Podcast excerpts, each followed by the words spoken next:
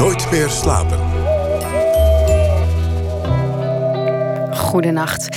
Vandaag is mijn gast Jorinde Keesmaat. Ze liet alles twee jonge vrouwelijke pianisten tussen het spelen door met elkaar boksen. Ze draagt muzikanten op al spelend door het publiek te lopen. Ze koos Max Westerman als verteller in een opera die een ode is aan de film Orfeo Negro. Ze bedenkt optredens in een vuurtoren bijvoorbeeld of tussen de flats. Regisseur Jorinde Keesmaat die wil met haar werk iedereen uit de comfortzone halen. En dan bedoel ik publiek en acteurs en muzici. Ze speelt eigenlijk een spelletje met de verwachtingen. Jorinde Keesmaat, geboren in 1977, is regisseur van theatrale projecten, voorstellingen en geanceneerde klassieke concerten. U kon ze al eens zien in Carré of tijdens het Grachtenfestival. Uh, ze is al vier jaar de regisseur van Tracks. En dat is een programma in het concertgebouw dat een nieuw publiek wil aanboren voor klassieke muziek. Maar de komende drie jaar gaat ze zich toeleggen op opera. Ze is aangesteld als gastregisseur bij het Center for Contemporary Opera in New York. En om dat te financieren kreeg ze van het Fonds Podiumkunsten de Fast Forward beurs. Jorinde, welkom. Um, we gaan het straks uitgebreid over jouw plannen hebben in New York. Eerst, um, wat was het moment dat jij viel voor opera? Nou, dat waren denk ik toch wel, als ik vroeger naar mijn uh, opa ging. En die had altijd uh, opera opstaan. Want mijn overgrootopa was operazanger. En uh, ja, hij was dan in een soort andere wereld als ik daar binnenstapte. Dan had hij Carmen opstaan of uh, echt van de grote klassiekers. En dan was hij echt in een andere wereld. En ik dacht, wat is dat voor magisch? En dan vertelde hij zelf ook wel dat hij dan zelf in de coulissen stond. En dat hij dan mee mocht kijken met zijn vader die dan zong. En dat hij soms ook een klein rolletje had. Nou ja, dat waren natuurlijk hele mooie anekdotes. Dus ja, dat was eigenlijk toch wel de eerste keer dat ik daarmee in aanraking kwam. En dat was wel een magisch gevoel, ja. Dus dat verbond eigenlijk die opera meteen aan, ja, meer aan een soort familie. Ja. De muziek ging je, ging je op die manier ging je daaraan wennen? Of? Ja, nou ja, ik heb ook wel. Hij, mijn opa speelde ook viool. En ik ben door hem eigenlijk ook viool gaan spelen. Uh, ik kom uit een groot gezin en eigenlijk spelen we allemaal een instrument. Dus in die zin is klassieke muziek, uh, ja, van jongs af aan was dat er eigenlijk. En um, ja, en opera ook. Dat, voor mij waren er niet heel veel verschil tussen, tussen instrumentalisten of, of uh, zangers eigenlijk. Wat is er zo mooi aan opera? Nou ja, het zijn natuurlijk fantastische verhalen. En die verhalen worden eigenlijk uh, ja, versterkt door de muziek. Dus de, de, de leidmotieven en de, de, de, ja, de personages die uh, iets willen verduidelijken, dat ligt nog extra in de muziek. Dus de intensiteit, denk ik, van, van opera's is enorm. Ja, en dat, uh, is natuurlijk heel mooi om mee te werken. Het is natuurlijk heel anders dan dat je het hoort... dan dat je het ook daadwerkelijk ziet en ervaart in een, in een theater. Wat was de eerste opera die jij zelf hebt gezien? Um, dat was de Rozencavalier. Ik denk dat dat ook in Dordrecht was bij mijn, met mijn opa. En ja. hoe oud was je toen? Ik denk dat dat... Uh, ik was denk ik dertien of zo. En dat was echt uh, ja, van de opera uit Kazachstan of iets dergelijks. Met een heel oud gammel decoortje waar dan de deur dicht ging en alles, weet je wel, rammelde een beetje. Dus het was enorm ouderwets en enorme, ja, een soort van machinerie eigenlijk. Maar goed, het was nog steeds magisch. Wat, ja, maar is het dan, is het dan magisch? Is die nabijheid magisch? Nou, het is gewoon de enorme machinerie, de, de, de koren, de, de, ja, de kracht eigenlijk die die muziek heeft, de kracht die het orkest heeft. Het is natuurlijk eigenlijk de grootste kunstvorm, live kunstvorm die er is. Ik bedoel, de decors zijn vaak groot, de orkest is groot. Uh, nou ja, dus het is ongelooflijk. Jij bent ermee opgevoed. Is dat um, de reden nou, dat is de reden dat jij het in ieder geval bent gaan doen. Maar volgens mij, jouw leeftijdsgenoten komen niet meer zo heel veel bij opera. Is dat omdat, je, omdat ze dat misschien missen? Ik denk dat het best lastig is als je daar niet mee in aanraking komt... om daar uiteindelijk toch nog heen te gaan. Want er hangt natuurlijk toch een soort... ja, wat oudbollige ja, sfeer omheen. En uh, ik denk dat het best lastig is om daar nog naartoe te gaan. Maar goed, daar is ook weer een nieuwe en jonge generatie voor om daar wat aan te veranderen. Ja, maar dat is wel echt een van jouw missies, hè? Ja, ik denk het wel. Ik, ik ben jong, als ik dat zo mag zeggen. en um, ik denk dat het heel erg nodig is dat uh, klassieke muziek en opera. Uh, ja, dat die eigenlijk een soort verfrissing, een soort verlichting door moeten maken om uh, te kunnen blijven bestaan. En dat er heel goed nagedacht moet worden hoe we deze kunstvorm, een hele oude kunstvorm, ja, op een nieuwe manier kunnen presenteren. Jij bent ooit begonnen in het theater. Je bent uh, daarna, of eigenlijk dat doe je nu nog steeds, uh, doe je, maak je theatrale voorstellingen met klassieke muziek. Um, en daarna ben je steeds meer gaan toeleggen op opera. Wat maakt dat nou de mooiste kunstvorm? Um, kijk, in theater ben je heel erg bezig met de psychologie. Uh, ben je heel erg bezig lagen aan te brengen. Um, bij personages die wel of niet dichtbij je staan. Dus het is heel makkelijk om je te identificeren met wat daar gebeurt. Bij klassieke muziek, als je dan een stap verder gaat, is dat veel lastiger. Hè? Dat is, het, is, um, het is mooi en muziek, denk ik, raakt je direct. Dus het is in die zin een hele makkelijke manier voor communiceren. Maar het, ik weet niet of het heel dichtbij je staat. En bij opera heb je eigenlijk die acteurs, maar dan in de muziek. Dus je hebt die personages die in die opera zitten, waarin je gewoon uh, uh, die gelaagdheid aan kan brengen. Wat niet heel veel regisseurs doen hoor. Dat is wel echt een andere aanpak, denk ik. Maar je wil gewoon toch iets herkenbaars creëren in die verhalen, waar je als publiek iets mee kan. Je wil er iets mee zeggen. Jij wil de personages veel menselijker maken dan normaal het geval is. Ja, en daarom praat ik ook heel lang met operazangers. In plaats, zij worden op een gegeven moment best geïrriteerd naar mij. Zeggen, ja, uh, zet maar gewoon, uh, zet me maar ergens neer. En uh, nou, wat moet ik doen? Moet ik eh, dat, dat zwaard rechts of links of zo? Ik heb niet eens een zwaard. Ik zou nooit een zwaard gebruiken, denk ik. Omdat ik het een beetje... Hè, er zijn andere vormen voor. Maar er zijn gewoon... Um, ze noemen dat ook wel park en bark. Hè? Dat zo noemen zangers dat. En ja, daar wil ik echt heel ver van blijven. Maar doe je het dan zoals je het in een theater zou doen? Ga je echt in op de psychologie van dit personage voelt zich zo en zo? Ja, zeker. En ik uh, ben ook heel vaak geneigd om niet mee te kleuren met wat er staat. Dus soms heb je, heb je, is het veel sterker om, uh, om tegen te kleuren. En uh, dat moet je zangers wel uitleggen, ja dat is, uh, dat is zeker zo. En um, ja, ik denk niet dat zij gewend zijn om zeg maar zo een personage uit te diepen of zo lang rond de tafel te zitten, zoals dat heet. En dat is, uh, dat is altijd een mooie strijd. Maar uiteindelijk denk ik dat het resultaat zoveel beter is, want iets is echt doorleefd. En daar gaat het om, denk ik. Dus ja. Je gaat uh, nu bij het Center for Contemporary Opera in New York, ben je gastregisseur. Um, daar ben je drie jaar aangesteld. Je gaat daarin. Die, het eerste stuk is een double bill, hè? Ja. Het is een tweeluik van uh, Louis Andriessen, uh, Odysseus Women en Anaïs Nin ga ik maken in oktober. Anaïs Nin, hoe diep je die uit? Vertel eerst even kort wie ze is. Ja. Introduceer haar eventjes. Anaïs Nin is een, eh, is een schrijfster begin 20e eeuw. Zij um, uh, was Frans-Cubaans. Uh, nou ja, zij, zij zwierf een beetje over de wereld. Maar zij is uh, dochter van Joaquin Nin. Hij is ook componist. Maar zij schreef dagboeken. En zij is ook wel bekend geworden omdat ze eigenlijk ja, de, de muze was van Henry Miller. Um, zij schreef dagboeken. Ze wilde eigenlijk fictieschrijfster worden. Dat was een hele grote ja, struggle in haar leven eigenlijk.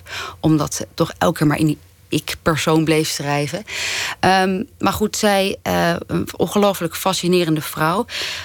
Het lot was eigenlijk dat haar vader, een eigenlijk vreselijke man, heel erg uh, egoïstisch, die heeft haar in de steek gelaten toen ze jong was. Hebben, dat gezin heeft hij verlaten.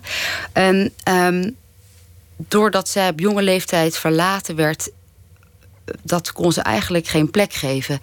En zij wilde elke keer een soort goedkeuring toch hè, als meisje van acht schreef ze brieven naar haar vader. Um, stelde ze hem voor. Um, en eigenlijk door, dat, door die leegte uh, en die goedkeuring uh, in te vullen, heeft ze heel haar leven heel veel minnaars gehad.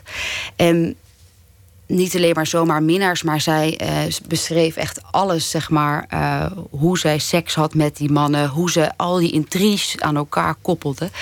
Um, maar zij heeft op een gegeven moment op aanraden ook van haar psycholoog, waar ze ook gelijk direct een affaire mee begon, um, heeft zij ook uh, haar vader weer opgezocht toen ze ongeveer 30 jaar was. En toen is daar een soort ja, relatie ontstaan tussen jullie twee. Zo gezegd dat ze met elkaar naar bed gingen. En dat heeft ze uitgebreid uh, in haar dagboeken beschreven. Um, en dat is natuurlijk na haar dood een enorme ja, schandaal. Hè, schandaal geworden in Amerika. Dus er zijn ook eerst, die dagboeken zijn uitgegeven. Eerst eigenlijk de, ja, de gecensureerde versie en uiteindelijk ongecensureerd. Maar zij was een. Uh, ja, zij heeft ook heel veel zelfanalyse gedaan en haar dromen. Ze heeft het fantastisch beschreven in die dagboeken. En de grote vraag was elke keer: was het waar of niet? En ze herschreef die dagboeken. En nou ja, dus, dus uh, er zijn ook heel veel mensen die een soort van een beetje anti zijn. Maar uh, ja, het fascinerende persoon. Het is een goudmijn, die dagboeken, voor iemand die die personages zo wil uitdiepen zoals jij dat wil. Absoluut, absoluut. Het is, uh, ja, ik heb nu haar biografie. Ik heb eigenlijk alles gelezen natuurlijk wat ze geschreven heeft. Het is nogal wat. Um, nee, het is absoluut uh, heel interessant. En um, ja, in de opera zelf uh, komen wel een aantal mannen uh, of minnaars aan bod. Um, in de versie die Louis Andriessen gemaakt heeft, die heeft zelf eigenlijk filmpjes daarbij gemaakt. Die haal ik eruit. Um, dat weet hij al? Dat weet hij. Oh, gelukkig. Ja, zeker. Okay. Dat heb ik met hem overlegd. Uh, maar goed, in ieder geval, ik, daar laat ik de mannen helemaal niet aan bod komen in mijn versie. Omdat ik denk dat het verlangen naar die mannen veel groter is... dan dat ik ze moet laten zien of laten horen. Hoe kast je Anaïs Nin? Ja, dat is, uh, daar zijn we nu mee bezig. Volgende week hebben we de casting voor in Nederland. En in Amerika heb ik hem al gecast. Ja, um, praktisch gezien moet ze natuurlijk een goede zangeres zijn. Um, en ze moet ook goed kunnen spreken. Want ik heb er ook heel veel dagboekfragmenten, uh, gesproken dagboekfragmenten ingestopt. Dus ik ben heel erg op zoek gegaan naar een kwetsbare vrouw, maar ook een hele gevaarlijke vrouw. Dus je wil heel veel verschillende kanten van iemand kunnen zien. Um, en dat is best lastig. Zeker op een auditie die ik, uh, ja, die heel kort waren eigenlijk. Maar daar ben ik heel erg naar op zoek. Naar heel veel verschillende kanten. En iemand die gevaarlijk kan zijn, maar ook een heel klein meisje kan zijn. Waarom fascineert zij jou zo? Ja, ik vind haar. Ze is natuurlijk in die tijd. is natuurlijk ongelooflijk wat zij, uh, wat zij geschreven heeft. Mijn oma, overigens, was ook zeer gefascineerd door haar, hoorde ik van mijn moeder weer. Um, maar zij is een vrouw die zo eerlijk heeft alles opgeschreven. Ik bedoel, misschien loog ze alles wel, maar ze schreef het wel op. Ik bedoel, ze zegt echt van... Uh, ik ben nog nat van de ene en ik ga nu naar de ander in een taxi. Weet je, ik bedoel, het was gewoon zo expliciet... wat ik heel uh, verfrissend vind. Wat als vrouw denk ik helemaal niet mag. Vandaag de dag waarschijnlijk nog steeds niet. Maar ook haar analyses die ze opschreef, vind ik fascinerend dat je zo precies elk detail kan beschrijven. Als ze ook in therapie was of in analyse was, dan moest ze direct weg om alles op te schrijven. Dus ja, het is natuurlijk een, een, een enorm document um, die heel interessant is. Maar voornamelijk vind ik het heel fijn dat ze zo expliciet alles opschrijft. Dat, dat vind ik spannend. Ja. Zie je er nou als een, een sterke vrouw of als een zwakkere vrouw? Um, ik zie haar als een sterke vrouw.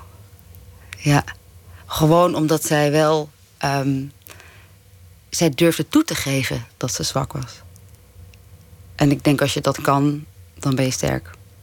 Ik vind het wel grappig, want het, als ik kijk naar wat je, wat je eerder gedaan hebt, als ik het idee heb bij opera, zijn dat vaak vrouwen die lijden, mm -hmm.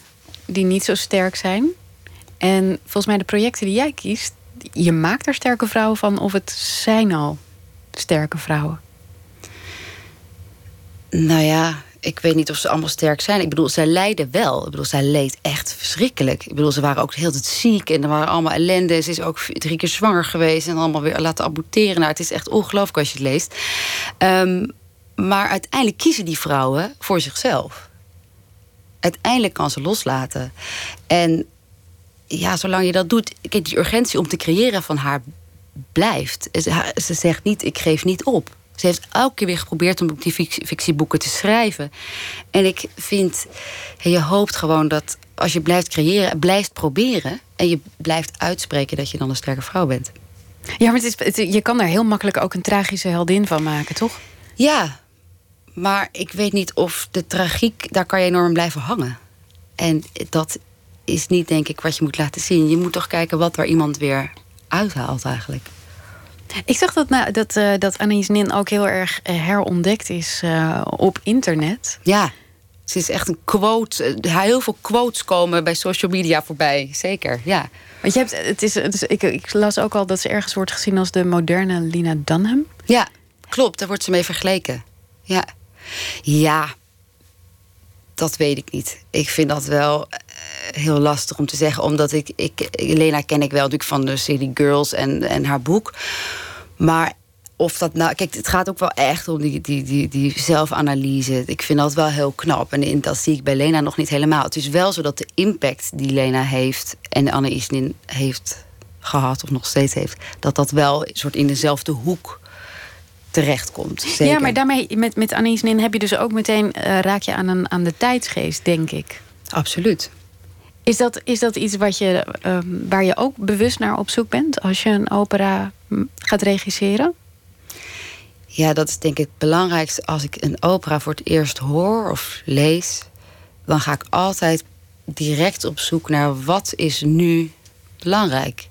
Of hoe kan ik dat eigenlijk naar vandaag de dag vertalen? Hoe vertaal ik dat eigenlijk überhaupt naar mijn eigen leven? En ja, dat, uh, ik denk dat dat de kerntaak is van, althans van mij en van misschien wel meer kunstenaars. Um, wij zeiden net dat het, het zijn sterke vrouwen. Je gaat tegen die stereotypen in. Heb je daar zelf wel eens last van? Dat mensen je anders bekijken dan dat je bent? Ik denk dat ik daar vroeger meer last van had. En ik denk dat het als je het hebt over mijn functie, namelijk regisseur zijn, dus de leiding hebben over een hele groep mensen of een, hè, van een groot proces. Ik denk niet dat iedereen dat uh, snel aan een vrouw zou toebedichten. Maar ik, ja, voor mezelf boeit het me niet meer zo erg. Ik bedoel, tuurlijk, ik denk dat het uh, vrij stigmatiserend is soms, maar ach ja. Nou ja, het is, een wereld, het is een wereld van oudere grijze mannen waar je in beweegt, toch? Zeker. Ja, ja, nee, het is natuurlijk het is niet altijd even makkelijk. Maar hoe langer je daarbij stilstaat, hoe meer je dat eigenlijk uh, tegenhoudt. En je moet gewoon niet aan jezelf twijfelen in ieder geval, dat moet je zeker niet aan die grijze mannen laten zien.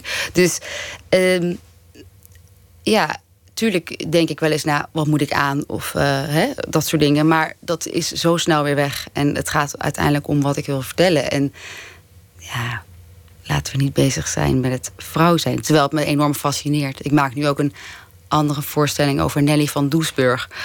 Nou, daar ben ik helemaal ingedoken. En dat is heel interessant weer om dan dat die weer bevriend was met Peggy Guggenheim. Daar was Anne Isnin ook weer mee bevriend. En dan Alma Mahler die daar weer doorheen loopt. Dus het is gewoon in die periode ongelooflijk mooi om te zien... dat die vrouwen geen kunstenaar mochten zijn... maar wel eigenlijk de verbinding legden tussen Europa en Amerika bijvoorbeeld. En tussen de kunst.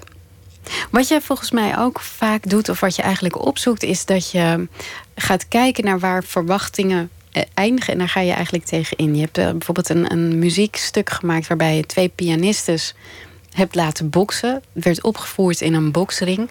En dan laat je ze piano spelen en boksen. Ja.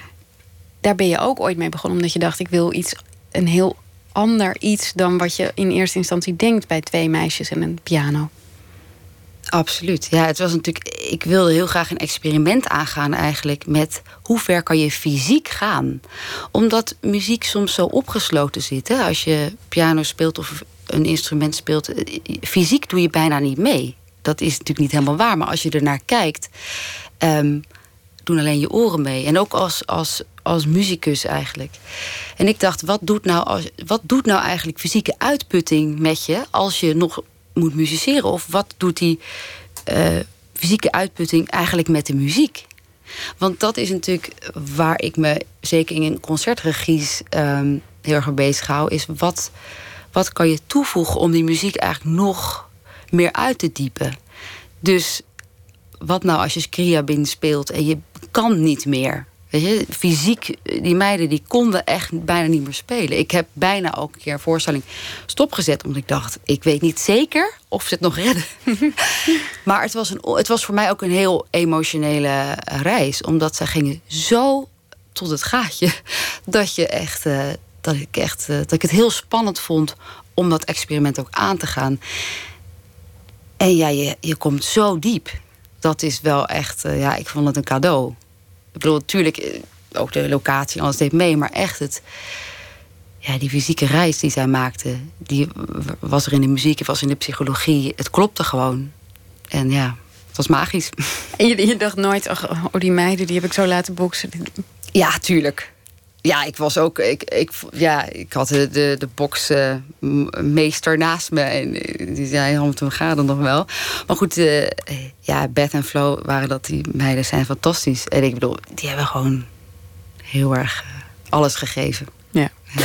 U luistert naar Nooit meer slapen. Mijn gast vanavond is opera-regisseur Jorinde Keesmaat.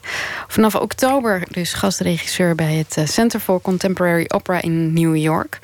Um, we hadden het net dus over die, die boxers. Ik heb begrepen dat je nu iets met. dat je nu de dansers naakt wil. De zangers. De zangers. De zangers.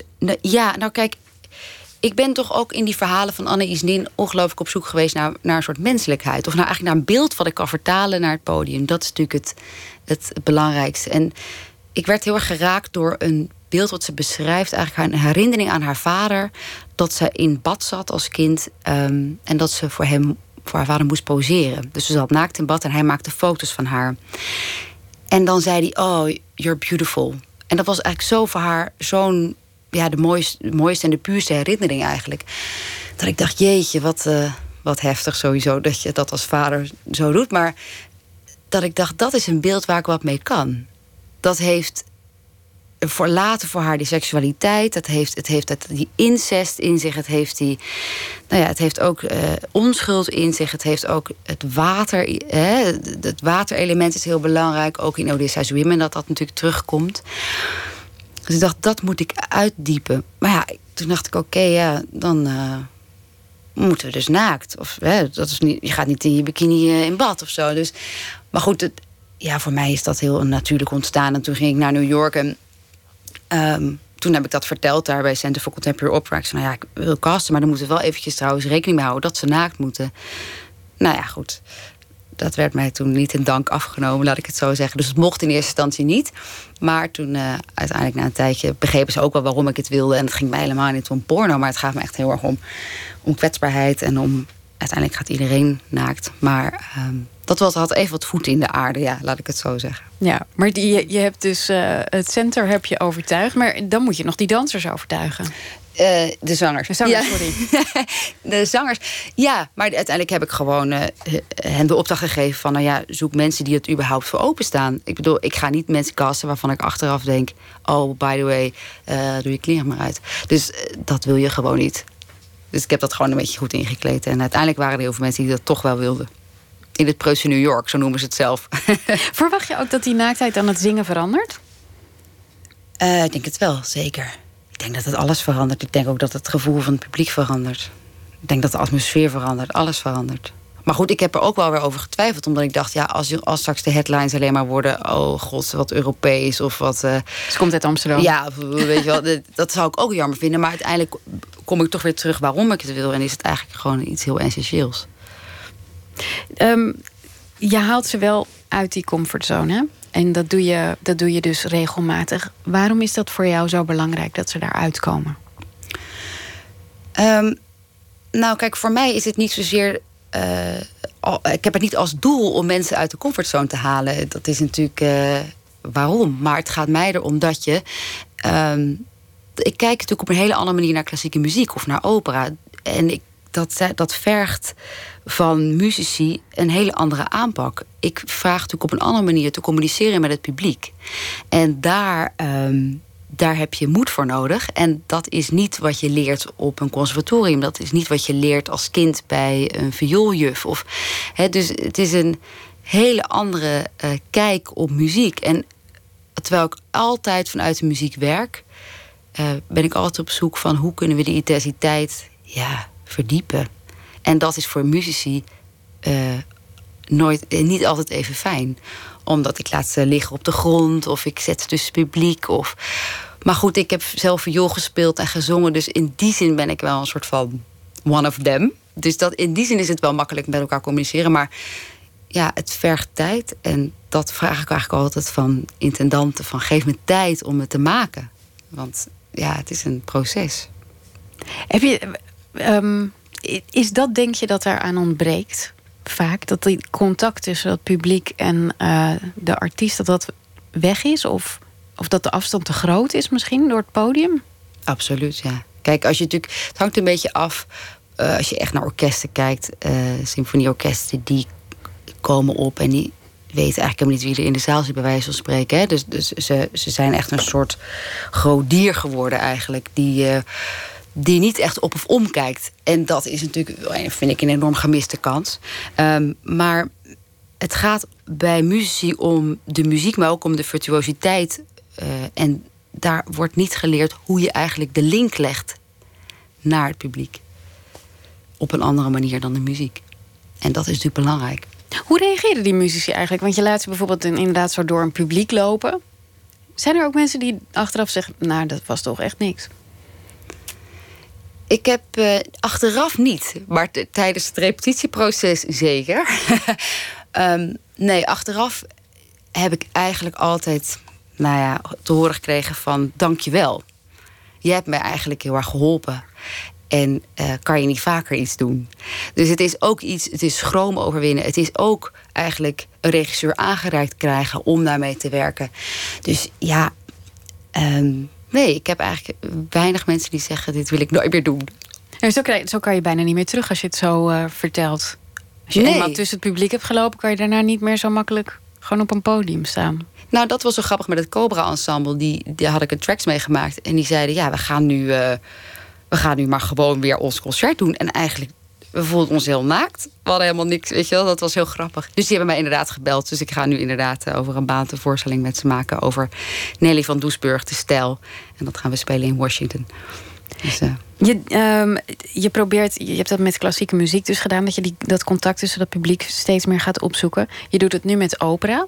Wat volgens mij misschien wat strakker allemaal... Er zijn wat strakkere regels bij opera. Of heb ik het mis? Er zijn zeker strakkere regels, ja. Ja, kijk, het is natuurlijk bij, bij concertregie kan ik echt veel meer montage maken. Kan ik eigenlijk natuurlijk alles omgooien. Kan ik, heb ik minder regels waar ik me aan moet houden? Bijna niet. Uh, meer de limitatie van hoe je instrument speelt. Dat is eigenlijk alles. Uh, maar bij opera, ik bedoel, de partituur ligt vast. Al ben ik daar nu alweer van afgeweken. Maar goed, je hebt natuurlijk uh, te maken met, uh, met heel veel andere elementen. Opera is natuurlijk echt, wat ik zei, een enorme machinerie. En ehm, ja, je kan niet alles maar aan je laars lappen. En dan gaat het mij natuurlijk ook niet om. Het gaat uiteindelijk natuurlijk om ja, wat je met dat stuk wil zeggen. Is er, ben je wel eens. Want waar komen die ideeën vandaan? Laat ik dat eerst vragen. Waar komen, is dat een soort intuïtie of is het een. Ja, dat is inderdaad intuïtie. Dat is intuïtie. Dat is iets wat ik ergens heb opgepikt en denk: hé, hey, dat vind ik interessant. En ik ben denk ik altijd op zoek naar een soort vuur of een soort uh, kracht ergens in. En, iets onbehoudends. Ik denk dat ik dat ook in dit stuk van uh, de Odysseus Women en Anne Nin ook zo fascinerend vind. Er zijn allemaal vrouwen die daar dingen proberen te zeggen tegen mannen. En um, ja, stand up, weet je wel. Kom op. En, en uh, dat heel grof neerzetten, bijna. Hè? Niet meer dat vrouwelijke willen doen, maar heel erg uh, vanuit de intuïtie dingen doen. En ja, het is heel uh, bruut. Ik heb wel zin om iets bruuts te maken.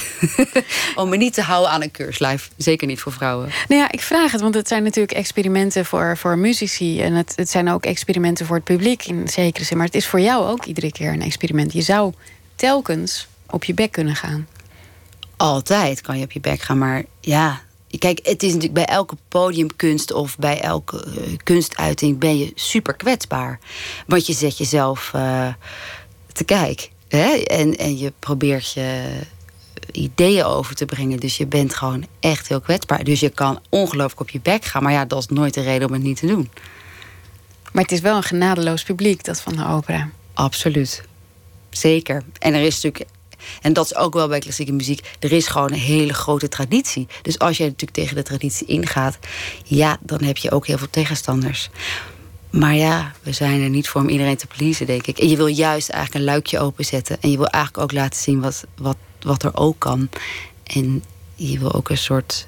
Je wil wel iets meegeven, namelijk dat, het, dat er iets resoneert.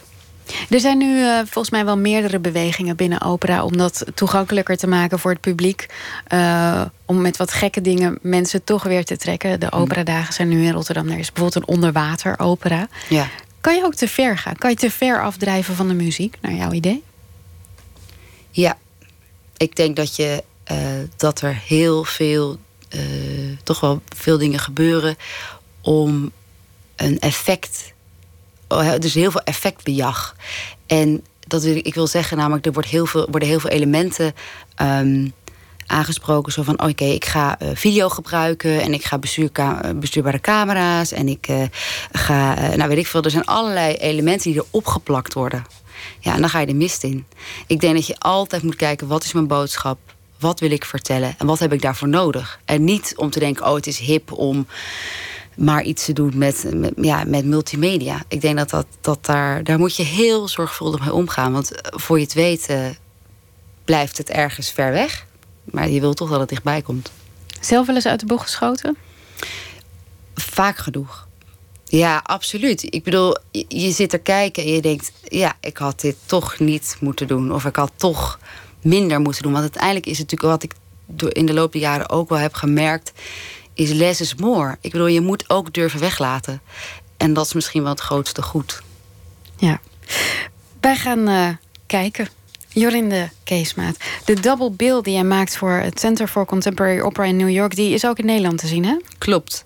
Die is te zien op 9 december in het Muziekgebouw aan het IJ. In Amsterdam, in is dat. Yes. Straks na het nieuws horen we Katelijn Schilder. Die heeft een eh, verhaal geschreven bij het nieuws van uh, afgelopen dag. En we gaan langs bij Jelle Brand Korstjes... om hem te vragen naar zijn nieuwe project Borealis. Dat en meer strakjes na het nieuws van 1 uur.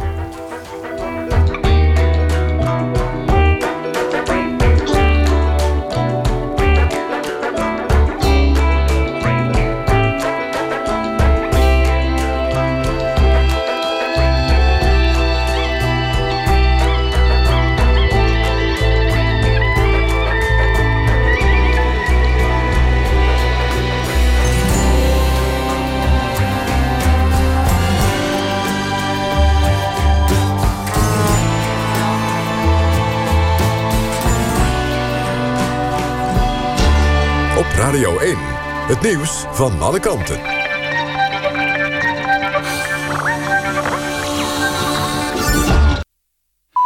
1 uur, Ewout de Jong met het NOS-journaal. Hevig onweer heeft overlast veroorzaakt in grote delen van Zuid-Limburg. Bij diverse huizen liepen vanavond kelders onder water. Ook stonden er straten blank en sloeg op een aantal plaatsen de bliksem in. Delen van Wallonië zijn ook getroffen door hevig onweer en flinke plensbuien. In de regio Brussel zijn hagelstenen gevallen zo groot als pingpongballen.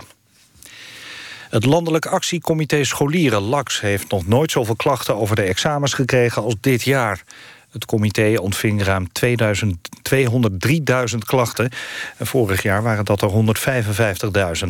Scholieren klaagden het meeste over het HAVO-eindexamen Engels. Ze vonden de opgave onduidelijk en het examen moeilijk en lang.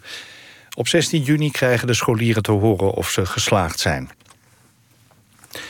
Boerenorganisaties, de Rabobank en het ministerie van Economische Zaken... hebben een reddingsplan voor de varkenssector opgesteld. Een op de vijf varkensboeren heeft grote financiële problemen...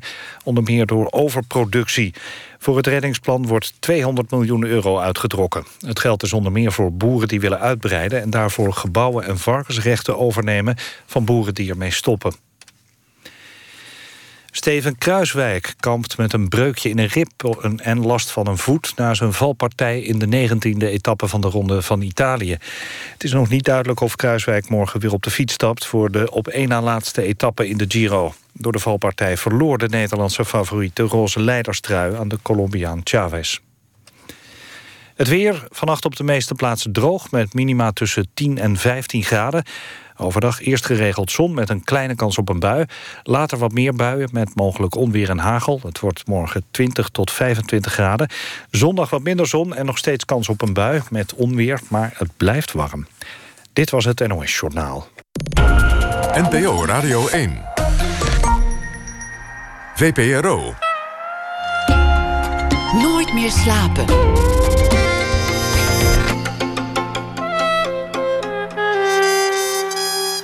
Met Floortje Smit. Welkom terug bij Nooit meer slapen. Fotograaf Ad Nuis die woonde zelf jarenlang in de Haagse Schilderswijk. En hij heeft daar komende week een expositie met bijzondere foto's. Oude en opnieuw gemaakte portretten van de bewoners van deze kleurrijke volksbuurt. Wij gaan zo meteen met hem op pad. En saxofonist Benjamin Herman die komt langs naar aanleiding van het nieuwe album van New Cool Collective, The Things You Love. Maar we beginnen met proza bij het nieuws van de afgelopen dag. En deze week is Katelijn Schilder aan de buurt. Ze is uh, schrijfdocent en auteur van twee romans, De Eenling en Eerst een Huis. Daarnaast publiceert ze korte verhalen. Dag Katelijn. Dag Floortje. Was de laatste dag hè, om het nieuws zo bij te houden? Ja, ik ga het wel missen hoor weer. Ik vind het heel leuk. Je kan het natuurlijk altijd gewoon nog blijven doen. Ja, dat neem ik me altijd voor. Maar meestal dan uh, kak ik s'avonds dan in. Terwijl ik dan nu aan de slag ga. Dus uh, ik heb jullie nodig. maar het, zijn, het, het, is natuurlijk altijd een makkelijke bron voor, voor verhalen, denk ik wel eens. Ja, absoluut. En ik, ik gebruik het in mijn uh, dagelijkse verhalen ook echt wel heel veel, hoor. Het nieuws. Het, het, het, echte leven is toch altijd veel gekker dan je kunt verzinnen. Dus de krant is voor mij een hele belangrijke. Ik ben benieuwd wat je vandaag hebt gelezen, wat je hebt gebruikt. Ja, vanavond, ik, ik heb iets gekeken. Uh, vanavond was de laatste aflevering van De Hokjesman op televisie. Ah, ja. En het was een van de mooiste afleveringen, vond ik, over de Rotterdammers. Ik mis het programma nu al. En ik heb uh, in Hokjesman-stijl geprobeerd te schrijven over de Hokjesman. Want er zijn heel veel mooie dingen te zeggen over het programma. Maar het meest genoot ik van de taal. Een ode aan de Hokjesman. Ik, een ode aan de Hokjesman. ben benieuwd. Uh, in, de tijl, in de stijl dus van de Hokjesman. Omdat er hard gewerkt dient te worden om van honderden uren ruw materiaal een film te maken... als ware het een vakkundig geslepen diamant... treft men de Hokjesman doorgaans achter een computer in het VPRO-gebouw te Hilversum. Daar zit hij met slechts automatenkoffie en plastic bekertjes en een stiekem sigaret... tot hij ochtends vroeg als de dagploeg ramen opent om frisse lucht ten burelen te brengen. Zijn woeste baard zal weer getrimd moeten worden voor het filmen van die dag. Zijn pak opgehaald bij de stomerij. Dit wollen kostuum dreigt na een dag lopen door de honderden subculturen die ons land rijk is... te ruiken als een gemiddelde puberjongenskamer. De hokjesman zegt u en stelt vragen. Hierbij de kin iets wat omhoog houdend, het hoofd in een lichte knik naar rechts en de ogen wijd geopend. Na antwoord kijkt de hokjesman verbaasd, dan wel verrukt. Hierbij dreigen eerder vernoemde ogen bijna uit de oogkassen los te geraken. De paraplu en koffer, die hij immer met zich meetorst, dienen om de anders zo drukgebarende handen in te tomen. Hetzelfde kan gezegd worden van het zo karakteristieke pak. Baard, haar, lijf, handen. Ze moesten getrimd, geknipt, gesnoord en gegezeld voor zijn rol van de hokjesman. Als u na vandaag iemand ziet die u doet denken aan deze manspersoon, maar pijnst, dit kan hem niet zijn, want haren als van een wilde man, punt van witte blouse uit spijkerbroek, wild gesticulerend en vloekend als een kassenbouwer, weet, dit was de hokjesman, zoals wij allen meerdere personages naast elkaar kunnen zijn. Beste hokjesman, deze kijker laat u weten dat zij u dankbaar is en zegt u vaarwel. Wat een prachtig afscheid voor hem. nee, daar kan hij toch hartstikke blij mee zijn. Ja, ik ben wel een beetje verliefd hoor. Ja, dat snap ik. Wat is Ja. er zo? Wat ligt, want je zei het ligt aan de taal. Wat is er zo knap aan de taal? Nou, het is dus geen voice-over van... ehm, we zijn nu hier en ik doe dit en vervolgens doet hij dat ook. Meestal, bijna altijd is een voice-over dubbel op. Dan zie ik het en dan hoor ik hetzelfde. En nu hebben ze met de voice-over een hele nieuwe laag aan alles wat we zien toegevoegd. En eh, past het ook zo mooi bij het karakter dat de hokjesman ook is. Dus het eh, zorgt voor een diepte die we eigenlijk nooit in televisieprogramma's zien. Hey, ik wou net zeggen, eigenlijk, volgens mij, nu ik er zo over nadenk, is taal misschien wel een beetje onderschat in televisieprogramma's. Moet er vaak nog even op het einde een beetje bij. Ja, en gebruiken ze de voice-over om eh, dingen nog eens even extra duidelijk uit te leggen. Eh, dus eh, gebruiken ze het... Het is niet alleen maar zo dat ze het er nog eventjes erbij doen, maar het is ook dubbelop. En dat is eh, hier... nou, heel, ja, het is bijna poëzie. Ik heb, om, om de stijl een beetje eigen te maken, heb ik heel veel zinnen overgeschreven. Met behulp van uitzending gemist eh, ging ik gewoon meetypen. en als je ze eh, onder elkaar zet, is het gewoon een gedicht. Het is echt prachtig. Ja. En waarom was deze aflevering van Rotterdam nou het mooist? Uh, nou, die Rotterdammers hebben gewoon hele goede verhalen. Dus um, uh, ze komen allemaal ergens anders vandaan en ze hebben allemaal het hart op de tong. Dus ik, ik, ik had het idee dat je hoeft ze maar één, vra één vraag te stellen en er komt een hele wereld uit. Ja, is misschien toch ook de illusie hè, van de hokjesman. Die krijgt altijd die werelden eruit. Ja, ze, ze, ze, kunnen goed monteren natuurlijk. Maar ik heb het idee, ik, ik kom zelf uit de buurt van Rotterdam. Ik heb natuurlijk een zwak voor Rotterdammers daardoor. Uh, maar het, ja, het komt ook door de haven, denk ik. Dat is gewoon een goede plek. Havens zijn altijd goede plekken. Er wordt veel geouwehoerd in de haven. Ja. Ja. Zo is het. Heel veel dank, uh, Katelijn uh, Schilder, voor jouw bijdrage de hele week. Ja. En nu weer gewoon afkicken en niet meer, uh, of niet meer zoveel de krant lezen misschien. Nee, inderdaad. Dankjewel. Graag gedaan. En bij de volgende plaat moest ik ook meteen even denken aan een verhaal dat uh, Katelijn twitterde afgelopen week. Alles, alle schrijvers stelen, heet het. En het gaat erover dat schrijvers nogal, nou laat ik het zeggen, ruimhartig kopiëren uit persoonlijke verhalen die afkomstig zijn van de mensen om hen heen. Dat geldt natuurlijk ook voor muzikanten. Zangeres en uh, gitariste Adriana Lenker die deed het ook bijvoorbeeld onder de naam Big Thief nog wel. En dit is het nummer Pull, waarin ze terugblikt op haar relatie met haar ex. Oh, the last time I saw Paul, I was horrible and almost let him in. But I stopped and caught the wall, and my mouth got dry, so all I did was take him for a spin. Yeah, we hopped inside my car.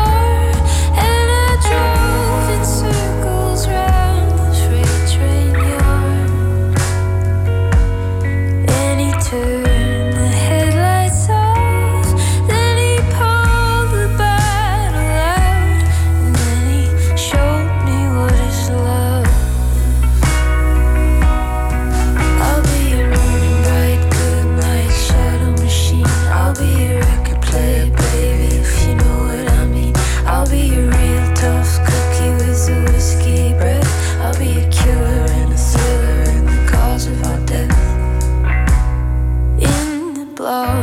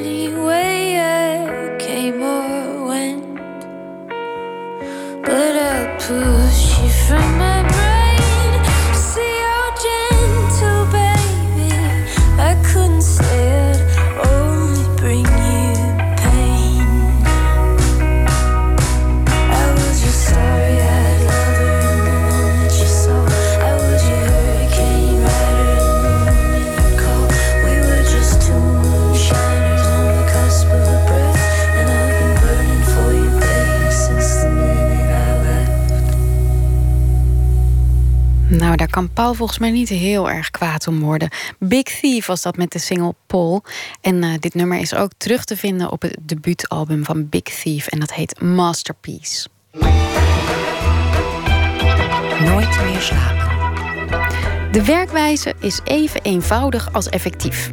Neem een oude foto van iemand, trek deze persoon ongeveer dezelfde kleren aan en fotografeer hem of haar op precies dezelfde plek als de oorspronkelijke foto.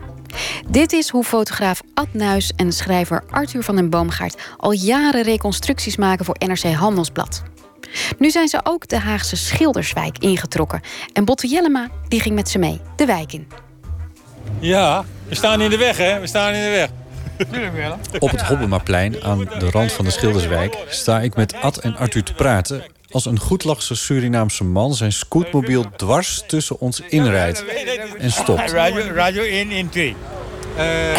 VPRO, maar Radio 1 is goed. Ja. Ad en Arthur knopen meteen een praatje met hem aan, alsof ze elkaar al jaren kennen. Bent, u, gaat- bent u een echte schilder, schilderswijker? Ja, Ja. tuurlijk. Hoe lang woont u hier al? In Schilderswijk? Ehm bijna 30 jaar. En is de wijk veranderd in die periode? Jawel, heel veranderd. En nu komen er helemaal nieuwe dingen, nieuw gebouwd allemaal. Ik vind het heel prima. Ik heb vroeger als taxichauffeur ehm, in- Den Haag. Taxichauffeur. Taxichauffeur. Ja. Is dit een beetje hoe, hoe het de afgelopen jaren ging? Als jullie de wijken Ah, gingen die- mensen op Oh, te zo zoeken voor op jullie foto's. Oh ja, dat deden we. Ja, dat ging zo. Dat ging Ja, zo. ja, ja, ja, ja, dat ging zo. Dus een- een meneer Ja, ja. als deze meneer Ja, kwam je dan tegen? Ja, dan, ga- dan zouden we aan deze meneer vragen. Het is nu net klaar, maar heeft u nog een mooie oude foto van 20 jaar geleden? Ik Dat, heb wel thuis. Van 30 jaar geleden in uw taxi. Ja, ja. En, eh, hier in Den de Haag. ja. Ja. Ik heb we wel. En wat, wat hadden jullie dan gedaan? Wat hadden jullie dan... Nou, dan hadden we gewoon eh, ik- even ik- gewoon een nu- nu- telefoonnummer nu- opgeschreven. ik. En dan hadden we binnenkort een keertje langsgekomen, zeg maar. Ja. En dan hadden we gekeken of die foto leuk is en eh, of die na te maken is. En of dat, eh, Ja. Want dat doen ze namelijk. Als, als u dan in uw, uw taxi 30 jaar geleden op die foto... dan zouden ze u misschien nu weer in een taxi zetten. Ja, ja, ja, moet precies hetzelfde, hè? een beetje dezelfde kleren aan. Precies dezelfde. Jullie kunnen mij niet overvallen, hè? Nee, nee, nee. Ik weet niet of de man precies snapt wat we bedoelen. Ad nodigde hem in ieder geval uit om zaterdag bij de opening te komen kijken. En, en er komt een van de oudste bewoners die wij gefotografeerd hebben. Dat is Filippini, die is 88. Die was vier jaar toen ze op de foto gingen. Die foto hebben wij opnieuw gemaakt. En ze is heel schattig en die gaat het openen. Dan ga ik een paar oorfoto's voor mij Ja, opnemen. ja, doe maar. Ja, dat is leuk. Hoppenplein. Oor- Zaterdag. Ja? Bedankt, tot ziens. Niet op, niet op televisie, hè? Nee, geen, geen televisie. Eh, dat is zeker in de serie gepast. Ja, een taxichauffeur. Kijk, mooi. Ad Nuis is opnieuw in de Schilderswijk. Hij woonde er 30 jaar geleden toen hij naar de school voor fotografie ging. Hij studeerde af met een fotoserie over zijn Schilderswijk en nu is hij terug. Schrijver Arthur van den Boomgaard maakt de teksten bij de foto's... met de verhalen van de geportretteerden. Een driehoek, een houten driehoek met, met daarop 19 dubbelportretten van eh, oude foto's. En daar stonden net twee eh, Turkse vrouwen geïnteresseerd naar te kijken. En eh, ze moesten eerst eventjes nadenken wat ze, wat ze zagen. En toen langzaam zag je toch die glimlach op hun gezicht komen. En eh, nou ja, dat is eigenlijk wat wij willen. Dat kon Dus je dat hier vandaan helemaal niet zien. Dat kon je hier vandaan helemaal niet zien. Eh, die, die glimlach heb ik erbij bij bedacht, maar de rest heb je wel gezien, toch? Dit is een van de vier plekken waarop jullie eh, foto's zijn te zien. Samen met verhalen is een driehoek opgebouwd met eh, hout dat tegen een stootje kan. Een stuk beton in het midden, zodat het niet van zijn plek komt. Ja. En daar zijn de panelen opgeschroefd. Kijk, dat is Filipine die daar staat. Juist. Dat is de oudste, Dat is de oudste, foto die jullie hadden. Ja. Kijk, dus er is helemaal niks veranderd, zie je? En dit is dus inderdaad wat jullie eh, ook al een tijd lang achter op de NRC doen. ja, ja. Waar jullie eh, een, een foto van jaren her, soms tien jaar oud. 20, soms 30, 50, ja, precies, 60. zoals het maar is. Ja. En dan dezelfde mensen, het liefst in dezelfde pose, dezelfde kleren. Ja, Het liefst op dezelfde plek Plek. als het Ja, het moet op dezelfde plek, hè? Het moet op Moet dezelfde plek. Ja, dat, zijn, dat is wel een, eh, een ijzeren wet. Juist. De Schilderswijk. Een half uur hiervoor reed ik de wijk in en stuitte meteen op een politieinval in een café. Zwarte busjes met tralies voor de ruiten, afzetlinten, kogelwerende vesten. Een man of veertig staan te kijken, maar lijken er niet warm of koud van te worden. Ja, de, Politie invallen. ja. Ja, dat gebeurt natuurlijk, hè. Dat is een werkelijkheid die hier, die hier, ook, eh, die hier ook plaatsvindt. En eh, ja, wat moet ik daar verder van zeggen? nee, daar hoef je verder niks van te zeggen. wat er Maar nee, nee, nee, nee, maar het, het, ik, ik dacht ja hoor, ik ga naar de Haarse Schilderswijk. Het eerste wat ik zie als ik de wijk inrijd is een politieinval met allemaal van die grijze busjes en ingewikkelde dingen. Het is niet zo dat het alleen maar over eh, lieve dingen gaat, hoor. Dat is niet zo. Dit zijn De gewoon, foto's nee, dit zijn gewoon 19 verhalen van mensen die hier in de wijk eh, wonen. De meest uiteenlopende verhalen. Ja, dat is wel zo. Kijk, kijk nu, eh, ja, heerlijke stadsgeluiden heb je erbij. Kijk, een beetje gewoon doorscheuren door zo'n bocht, dat hoort er gewoon bij. Uh, en precies op tijd remmen. Een pittig wijkje. Dat weet ik ook uit de verhalen die ik uit de media ken over de Schilderswijk. Geen wijk in Nederland die zoveel in het nieuws is geweest. Beelden van demonstraties met zwarte vlaggen. Rellen na de dood van Mitch Henriquez. En een sharia-driehoek, zei het dat die was verzonnen. Uh, Ad en ik doen deze serie al uh, enige tijd voor de NRC. En ja. afgelopen zaterdag stond het verhaal van de tweeling Quadri. Die zijn opgegroeid in de Schilderswijk in een sharia-driehoek. Uh, de een studeert uh, recht, de ander studeert fiscaal recht. Ze zijn uh, dochters van, de, van een imam, maar een hele gematigde imam. Ja. Gewoon zo'n gezellige pastoor, zoals wij dat kennen van vroeger. We moeten er nog wel eventjes bij vertellen voor de volledigheid... dat dit een trouwjournalist was die dit van voor tot achter had verzonnen... maar dat het wel tot kamervragen had geleid. omdat men dacht dat hier daadwerkelijk sharia-wetgeving aan de hand was. Ja, nou, het zou heel mooi zijn als er kamervragen zouden komen om dit, dit... Ik had heel graag een foto gemaakt van een, uh, van een, uh, van een IS-strijder. had ik dolgraag gedaan. Hier Alleen, we hebben hem niet gevonden.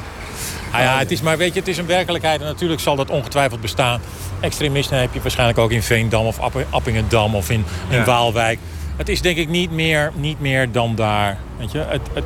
Nou ja, dat denk de Waalwijker en de Appingedammer misschien een beetje anders over. Die heeft ja, een heel ander idee. beeld van de Schilderswijk. Ja, ja, de Schilderswijk heeft natuurlijk een negatief imago... maar ik vind het een beetje een geuzennaam. Ad en Arthur weten dit ook van de Schilderswijk. Ze ontkennen het niet, maar ze zetten er wel hun eigen ervaringen tegenover. Ervaringen opgedaan bij het maken van deze fotoserie. Ja, we hebben ook heel veel plezier. in die zin was het exemplarisch. We hebben heel veel plezier Het is gehad. natuurlijk een hele gezellige wijk. Dat is gewoon zo. Het is een volkswijk, maar het is een hele gezellige wijk. Juist omdat het een volkswijk is, is het een gezellige wijk. Alleen, het is niet... De... Ik zou er niet dood gevonden willen worden. Maar dit is zo'n leuke wijk. Als je die straten doorloopt, je, weet je, je gaat daar een visje ja, eten. Weet je, het is echt gewoon zo leuk, weet je. Letterlijk... En natuurlijk uh, is er ook een politieinval waar jij mee begon. Ja, nou ja, weet je. Ja, en... Heerlijk een politieinval. Ja, en wij waren, wij waren uh, Sjaak waren we aan het maken. Ja. Dat oh, was ja. een, een, een Marokkaanse jongen, die heet Said. Said, we kunnen even naartoe lopen. Ja, Sjaak, die zit hier. Hier, is Sjaak. Hier, deze. Ja. En uh, nou, hij zit op het stoepje. Ja. Hij is een klein, uh, als klein jongetje weer. Uh, hij heeft zijn naam inmiddels tot in Sjaak veranderd. Hij, is, hij was vroeger een boefje, woonde in de Schilderswijk. Is uh, op ergens zo rond zijn twintigste heeft hij een mooie, mooie vriendin uh, tegengekomen. En zei hij tegen zijn moeder... Mam, ik moet echt die wijk uit. Want ik heb gewoon verkeerde vrienden. En ik wil dat mijn kinderen ergens anders opgroeien. Nou, dat heeft hij gedaan. Hij komt nog vaak bij zijn moeder. Dat is een blanke moeder. Uh, die wordt netjes geholpen door de, door de Somalische buurvrouw. Dus dat is ook allemaal... Maar wij kwamen daar en hij zat op het stoepje. En eigenlijk wilde ik dat de deur open ging. Ja, en, ja want dat want, is op de originele foto Dat is op de originele ja. ook zo. Dus even aanbellen. Nou, het bleek dat het een uh, uh, vrouw was die er ook alweer lang woonde. Eigenlijk iets nadat, nadat zijn pand was gesloopt, was zij daar komen wonen. Ze herkenden nog veel van elkaar. Ze wisten nog dat Bepper woonde en, ja. en weet ik wie allemaal. En het leuke was is dat zij zei, ja, vroeger gebeurde er tenminste wat.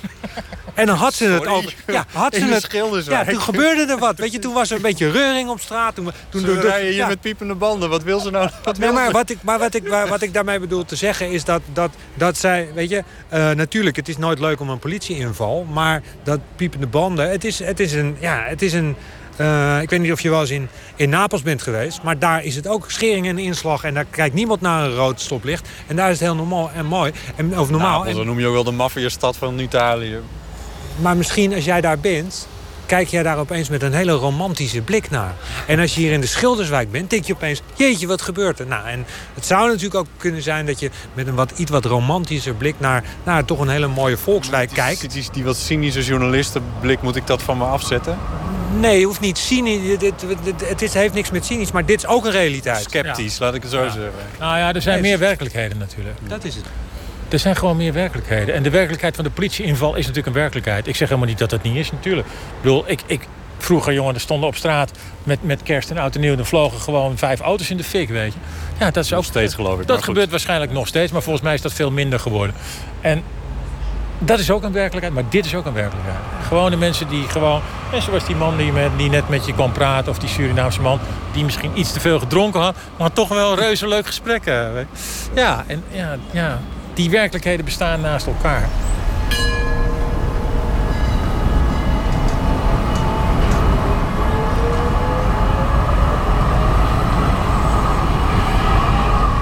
Fotograaf Ad Nuis en schrijver Arthur van den Boomgaard hoorde u over hun project Opnieuw in de Schilderswijk. Een alternatieve geschiedenis van deze Haagse buurt in 19 portretten. Die portretten die zijn ook te zien op de Facebookpagina van het project. En vanaf dit weekend op vier plekken in Den Haag. Waaronder het Stadhuis en uiteraard het Hobbemaplein. Er is een nieuw album uit van New Cool Collective, The Things You Love. Strakjes praat ik met eh, Benjamin Herman, alt-saxofonist en tevens bandleider. Maar we gaan eerst luisteren naar de single Breaking Out. Met een gastrol voor Mark Riley van de Britse band Met Bianco.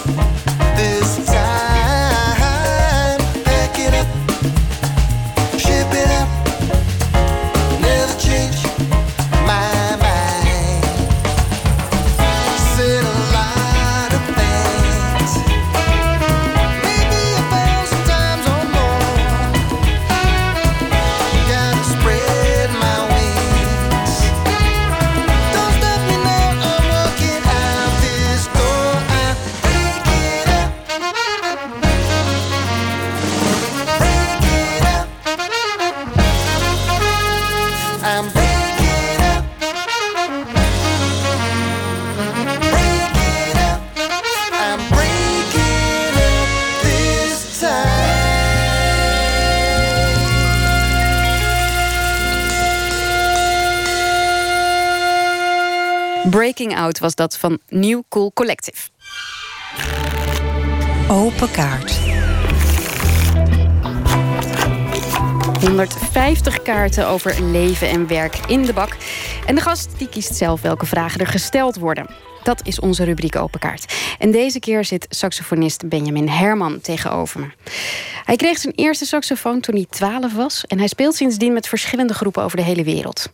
Toen hij in de jaren 90 New Cool Collective oprichtte... werd hij ook buiten de jazzwereld bekend.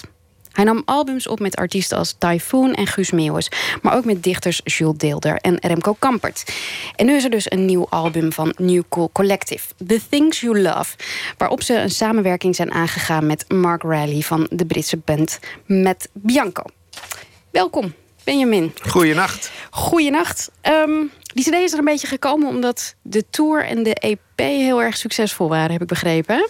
Uh, ja, nou, het, de samenwerking was vooral erg leuk. En dat vinden we met New Cool uh, vinden we dat uh, heel belangrijk. Weet je, dat je een, een soort uh, vibe hebt met iemand waar positieve dingen uitkomen. Dat was hetzelfde met Typhoon inderdaad. En dat was met Guus Meeuwis was dat ook zo. En met een heleboel andere mensen waar we in de afgelopen 23 jaar mee hebben samengewerkt. En Mark Riley, voor degene die niet een belletje doet rinkelen... hij was dus van de band Matt Bianco in de jaren 80. En die waren toen heel erg bekend. Echt mega bekend. Noem eens, noem eens een hit. Uh, nou, Half a Minute en Get Out of Your Lazy Bed. En, en uh, uh, dan kan ik natuurlijk niet op die titels komen. dat zul je altijd zien. Dat zul je altijd zien. Maar komen zij bij jou? Of benader jij hen? Nou, ik werd benaderd door zijn manager. Die, uh, dat is een Nederlandse man, Mark van den Berg. En die vroeg of ik zelf wat wilde doen met Mark Riley. Want ik doe ook nog heel veel dingen naast New Cool Collective. En toen zei ik, nou, weet je wat we gaan doen? Ik vraag het aan de jongens van New Cool... en dan boeken we gewoon een studio met wat dagen. En we gaan gelijk wat maken. Dat, zo hebben we het ook met Typhoon gedaan. Zo niet eerst gaan vergaderen over wat we gaan doen... en, en hoe en wanneer. is gewoon meteen een studio boeken... en alle ideeën in twee, drie dagen opnemen en kijken wat er uitkomt. En daar kwamen allemaal liedjes uit. Want die Mark Riley, die is super handig. Die kan allemaal. Eh, dan gaven we hem een idee. En dan kregen we dat teruggestuurd twee dagen later. Met een hele tekst eroverheen. En uh, een andere draai aan de, de, melodie en zo. Dat was heel verrassend. Um, dus uit, daar kwam het door, weet je wel, dat hij er meteen insprong van oké, gaan, we, gaan we zo beginnen. nou, dan doe ik ook mee. Dus hebben we nu tien stukken achter elkaar op één uh, album uh, gezet van die, die opnamesessies. Maar dacht jij van tevoren al van dit gaat wel klikken tussen ons? Want het is natuurlijk een ander soort, ander soort muziek. Nee, ik had geen idee of het zou lukken of niet. Maar we hebben in de loop der jaren met de Afrikanen samengewerkt. Uit de sloppenwijken van Kenia. We hebben met uh, Tony Allen, drummer van Vele Kuti, hebben we een album opgenomen. We hebben met uh, Los Papinas uit Cuba hebben we een, een album opgenomen. En allerlei andere. Treintje Hoosterhuis in het begin hebben we uh, dingen mee gedaan weet ik veel. Echt maar is het, dan, is het dan een soort. Zo, ik heb daar een soort romantisch idee bij dat als je eenmaal een instrument vast hebt, dat het dan ook gewoon. Weet je, dat je kan communiceren met elkaar? Of is dat niet altijd zo? Nee, dat is niet altijd zo. En zeker niet met mensen die, die zingen. Uh, want wij doen ook elk jaar de opening van de Uitmarkt. En daar zie je het altijd heel sterk, heel goed. En dan zitten we maar met die hele big band en dan komen er mensen binnen. En sommige mensen heb je meteen een klik mee. Anderen zijn voornamelijk met zichzelf bezig. En dat heb je vaak, weet je met, met popsterren of mensen die uh, uh, popster in wording zijn of zo. Die zijn ontzettend nerveus over wat mensen van ze vinden. En daardoor heel beschermend over wat ze doen. En dat is juist leuk als je een samenwerking hebt dat, dat het los voelt en dat je verder kan. En dat, dat was met Mark Riley. Die heeft zoveel ervaring. Dat is heel leuk om te doen, want die, het maakt hem allemaal niks uit. Gewoon erop podium op en spelen. Is dat ook het geheim dat je de 23 jaar dus fris weet te houden met elkaar? Dat je de hele tijd ook weer samenwerkingen zoekt met een ander? Is dat essentieel? Ja, het is wel belangrijk als wij. we maken zelf ook uh, ander soort platen met, met z'n achten. We treden ook met z'n achten op. En soms met z'n twintigen en soms met, met gasten erbij. Weet je, uh, variety is the spice of life, zeggen ze. Dus je, het is fijn om andere impulsen in de band uh, te hebben. Ja, maar het vereist ook een soort uh, onbevangenheid om iedere keer weer een nieuw project in te stappen. En dat is misschien wel, wordt misschien wel steeds lastiger als je een bekendere naam wordt. Ja, maar bedoel je dat wij een bekende? Ja. Nou, maar we zijn helemaal geen bekende naam. we hebben nog nooit succes gehad. Dus wat dat betreft is het, uh, is, zijn we overal weer in. En wat is succes dan? Ja, daarom.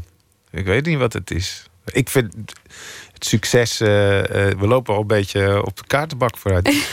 maar succes is voor mij als saxofonist, als muzikant. Uh, om te kunnen blijven werken. Ik, ik hoef geen. ik wil wel bakken met geld en en rijkdom en alles. Maar voornaamste wil ik gewoon kunnen blijven werken. En dat is voor elke muzikant is het essentieel. Ja. Dat is trouwens voor iedereen met een, met een freelance beroep. Als je loodgieter bent en je wordt nooit meer gebeld... dan uh, zit je ook depressief op de bank. Ja, dat is waar. Je zei al, we lopen inderdaad... die bak die staat hier en die roept een beetje naar ons. Je mag een kaart gaan pakken. Hey. Oké. Lees maar voor. Wie of wat bezorgt jouw plaatsvervangende schaamte? Wow, dan moet ik iemand gaan dissen nu. Dat kan. Uh, daar ben ik heel slecht in. Of een situatie misschien waar ja. je... Nou ja, ik, ik, ik, eh, laat het zo zeggen. Ik heb niet zo gauw dat ik me druk maak over wat de andere mensen doen. Ik ben wel vaker eh, oneens met uh, muzikale keuzes van bepaalde collega's. Ik denk van ja, maar waarom zou je dat soort depressieve muziek maken? En wie zit er nou op te wachten? Um, maar plaatsvervangende schaamte, weet ik niet. Het, het, is wel, ik heb wel een redelijke, uh, ja, duidelijke politieke uh, stap. En ik vind het heel gênant als uh, bepaalde mensen in mijn kringen zich ongegeneerd uitlaten over bepaalde onderwerpen. Je, je zegt het allemaal nog heel omvloers. Ja, dat blijft zo. nee, maar ik, ja, ik ben, ik ben een, een, wat dat betreft een vrije geest. En ik vind het. Uh, laat zo zeggen, Nederland was uh, vroeger een, bekend om zijn uh, vrijheid en liberale houding. En alles mocht en alles kan. En ik, ik schaam me af en toe in het buitenland. Als ik moet vertellen. En dan zegt ze: Oh, Holland is zo leuk. En ja, maar het, het is de laatste tijd niet zo leuk als het was. Er is iets heel raars in heel Europa aan de hand. Dat is vooral als ik in Azië ben en met mijn vrienden erover heb. En. Uh, als, je vrienden, als je vrienden iets zeggen waar je het dan absoluut niet mee eens bent, zeg je daar dan iets van of niet? Of laat je dat Uh, gaan? Ja, nou, ik ben wel. Uh, ik vind het wel leuk om erover te hebben. En ik vind ook dat je overal over moet kunnen praten. En dat vinden mijn meeste vrienden van mijn vrienden ook. Dus wat dat betreft uh, lullen er wel over. Maar het is meer. Het, ik, vind, uh, ik vind het af en toe lastig in het buitenland. Laat het zo zeggen. Dat mensen. Nederland. Uh, ze hebben een ander beeld van Nederland dan er nu aan de hand is. En ik vond, zoals zeg maar het hele liberalen vond ik uh, heel leuk in Nederland. Dat was een leukere tijd. Ja, ja dus wat plaatsverschammende schaamtegevoelens betreft... Uh, zou het uh, meer op de politieke richting en koers... waar Nederland op het ogenblik op zit, ja. kunnen slaan. Nou, zijn we er toch uitgekomen. Zullen we nog een kaart doen? Ja. Doe ik deze mooi achteraan? Ja, doe maar achteraan. En dan even kijken. Ja.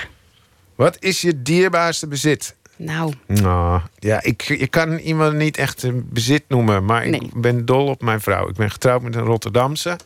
Ik woon zelf in Amsterdam. En uh, misschien wel daardoor, maar ik weet het niet. Maar we zijn nog steeds dol op elkaar.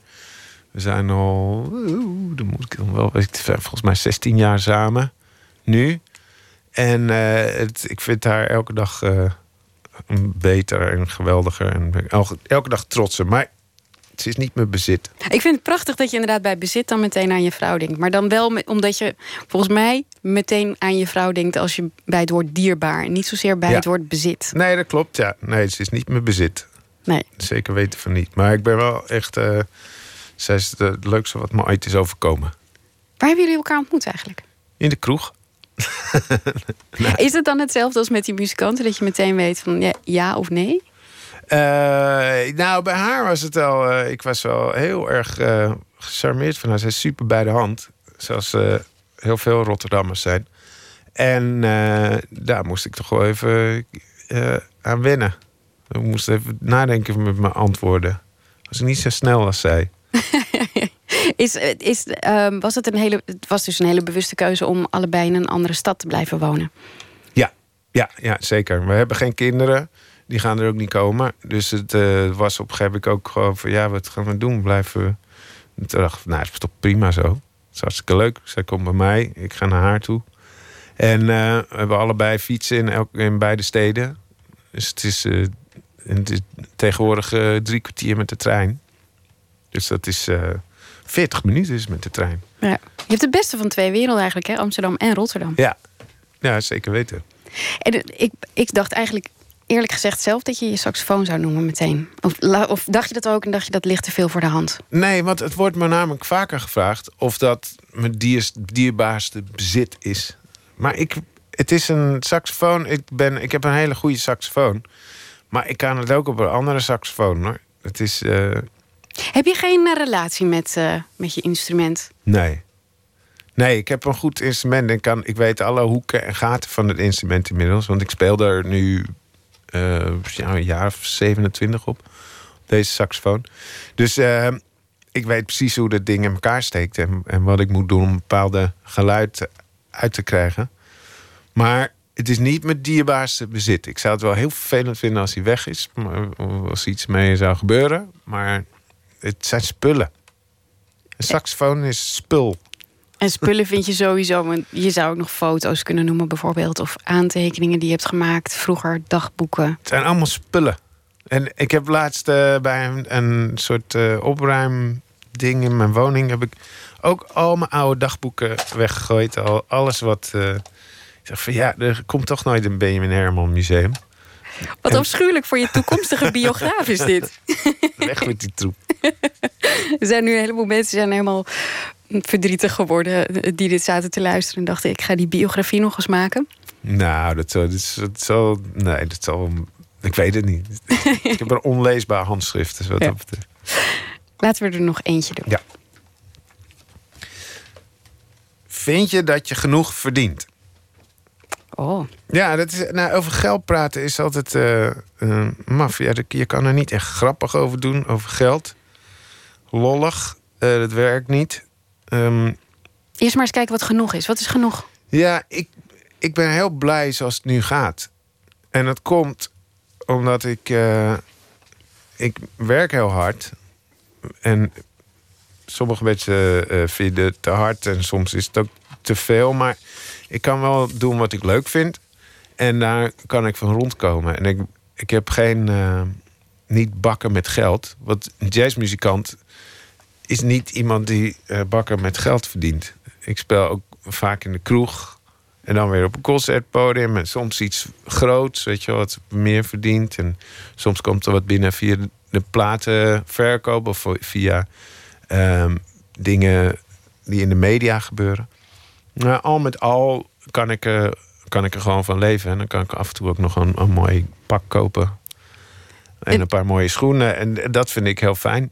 En als je moet kiezen tussen een heel goed betalend concert... Het is dezelfde dag. Goed betalend concert of iets waar je meer inspiratie uithaalt. Kleinere zaal. Eh, wie het eerst komt, wie het eerst maalt. ja, zo gaat dat. Wat praktisch. Ja, maar je kan niet, als je al iets hebt staan, kan je niet eh, zeggen: hey, sorry, eh, de andere vind ik leuker of de andere betaalt meer. Beide mailtjes tegelijk in je mailbox. Eh, dan ga ik er even heel goed over nadenken. En kijken of ik de ene kan verplaatsen naar een andere datum. Dat is geen keuze, maar goed, dat eh, maakt niet uit.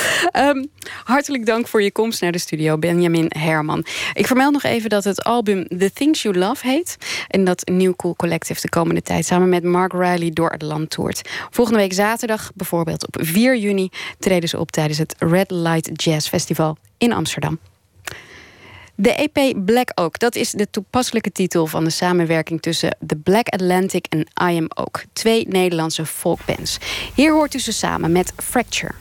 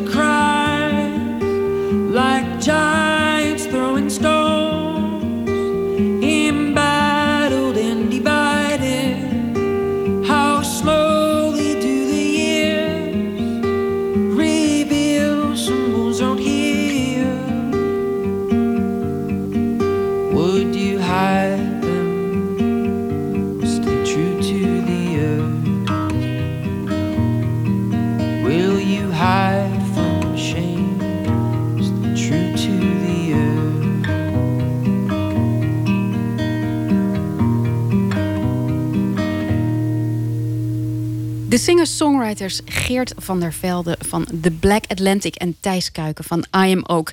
Hier samen verenigd in The Black Oak. Fracture heette dit nummer. Nooit meer slapen. Vanavond lanceerde journalist Jelle Brand Korstjes en fotograaf Jeroen Torkens het project Borealis. Nachtcorrespondent Adinda Akkermans die was erbij. Goeienacht, Adinda. Hoi Floortje. Hallo. Ben jij meer een eh, bosmens of een vlaktemens? Ja, daar ga je er dus meteen van uit dat ik een natuurmens ben. Maar als ik moet kiezen, kies ik voor een bos. Want volgens eh, fotograaf Jeroen Torkens is de mensheid namelijk te verdelen in die twee categorieën: vlaktemensen en bosmensen. Misschien heb je daarnaast ook nog wel stadsmensen, maar goed, hij zei het zo.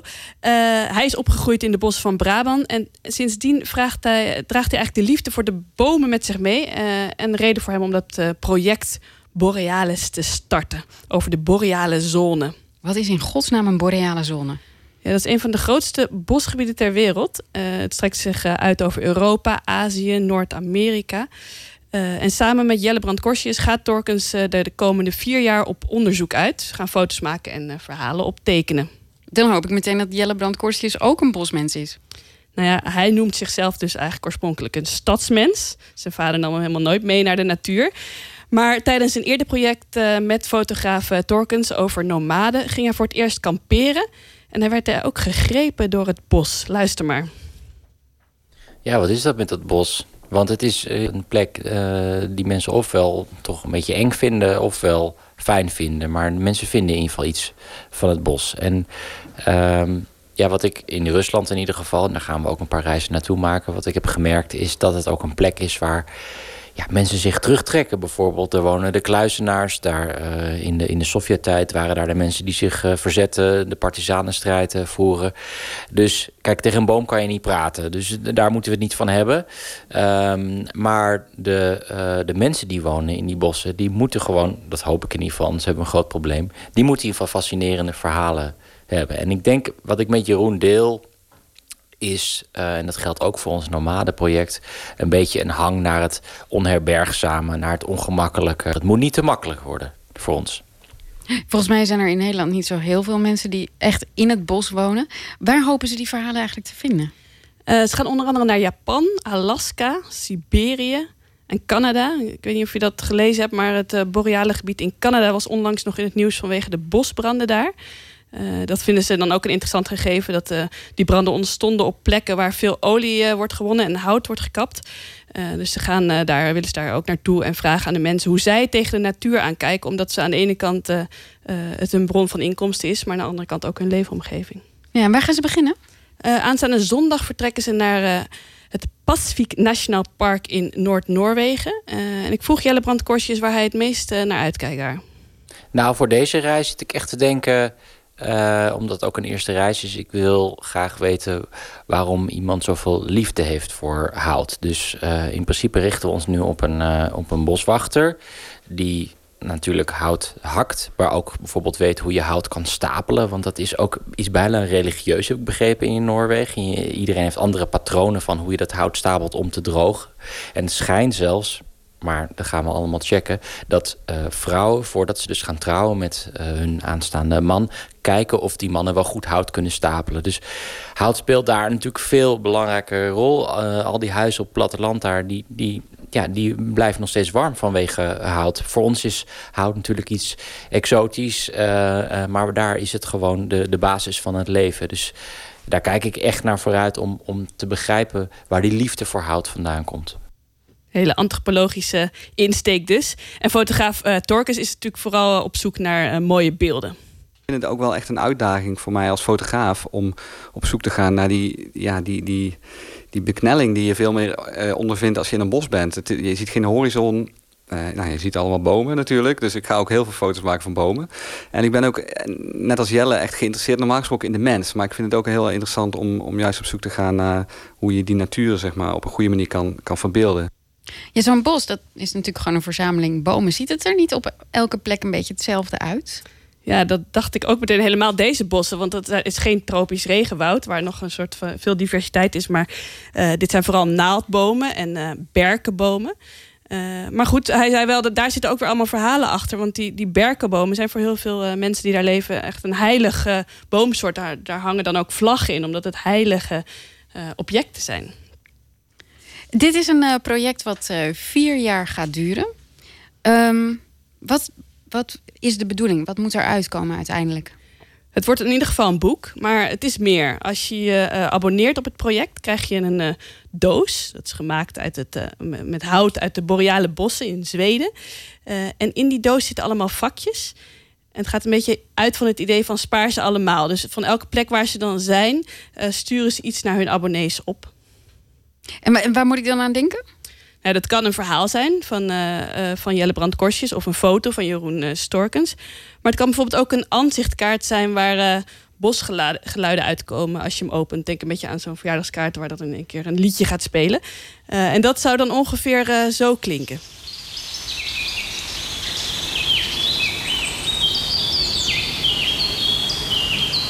Ja, heerlijk rustgevend. Is dit, is dit de manier waarmee ze die hele reis dan ook bekostigen?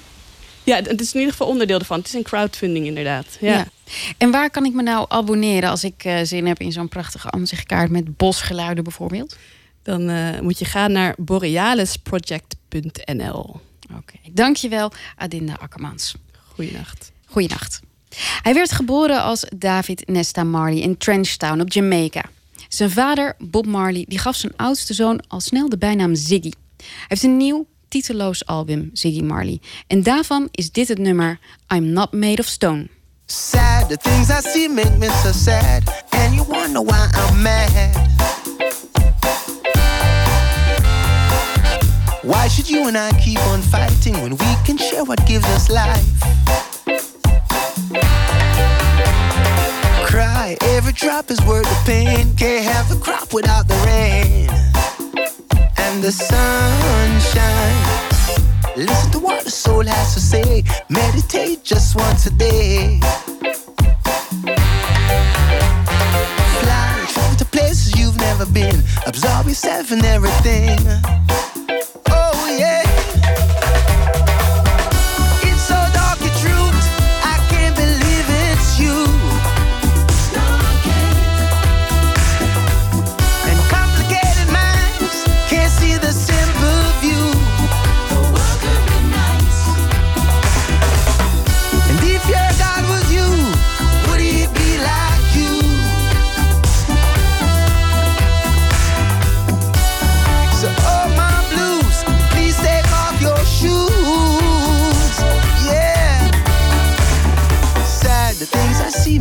So sad. And you wonder why I'm mad. Why should you and I keep on fighting when we can share what gives us life? Why cry? Every drop is worth the pain. Can't have the crop without the rain and the sunshine. Pray, listen to what the soul has to say. Meditate now once a day.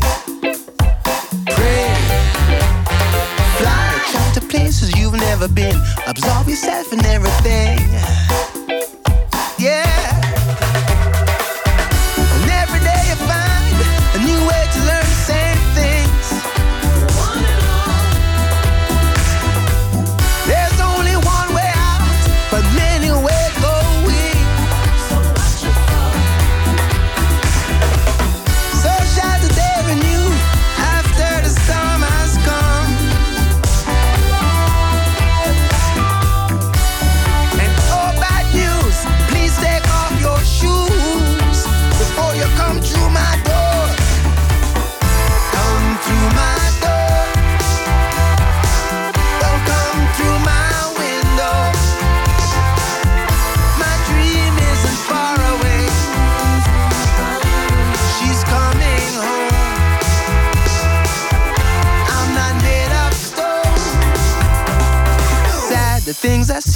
So sad, and you wonder why I'm mad. Why? Why should you and I keep on fighting when we can share what gives us life?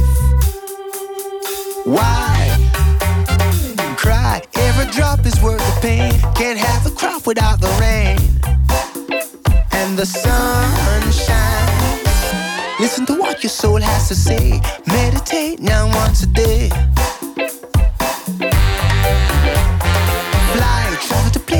Never been. Observe yourself in every being. I'm Not Made of Stone, Ziggy Marley was dat. Maarten van der Graaf die debuteerde in 2013 met de bundel Vluchtautogedichten, die met de C. Buddingprijs werd bekroond. Zijn tweede bundel heet Doodwerk. Volgende week, op vrijdag, is hij bij ons te gast vanwege zijn optreden op Poetry International. En deze week hoort u alvast vijf van zijn favoriete gedichten.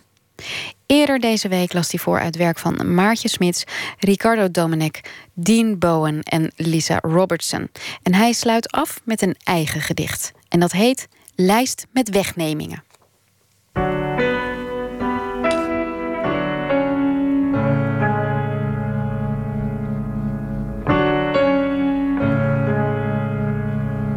Vannacht lees ik een gedicht van mezelf.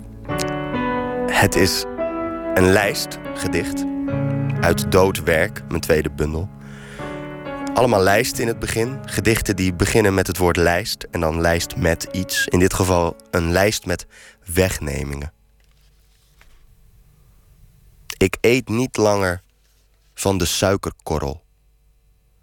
Laat mij in met kinderen, bejaarden en met doden. Tot het donker is, ontneem ik mij het zicht.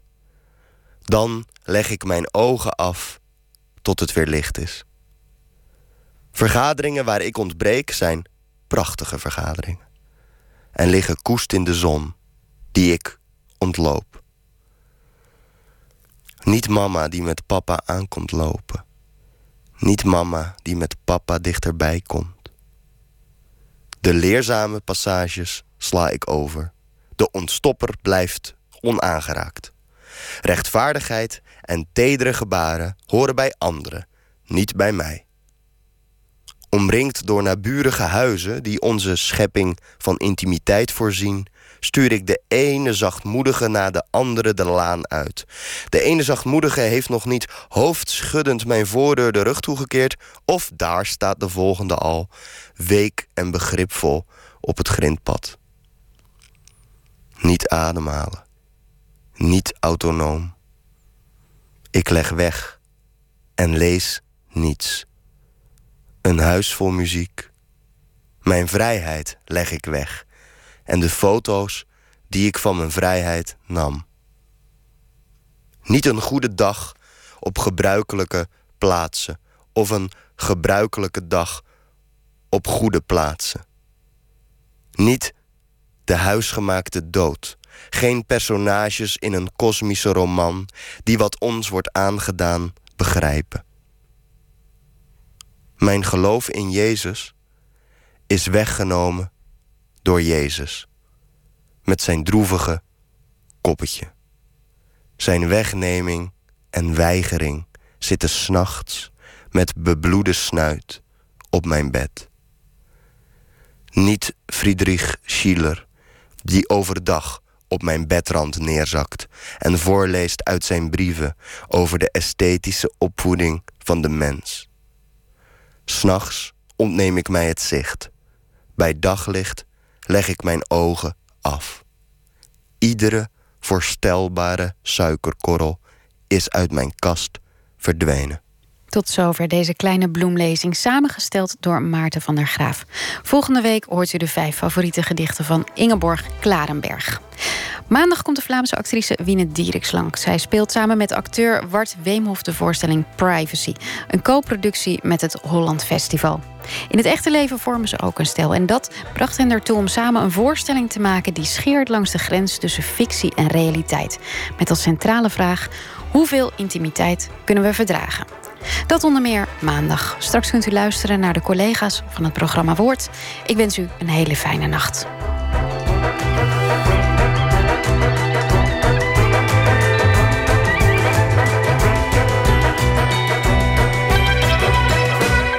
Op Radio 1. Het nieuws van alle kanten.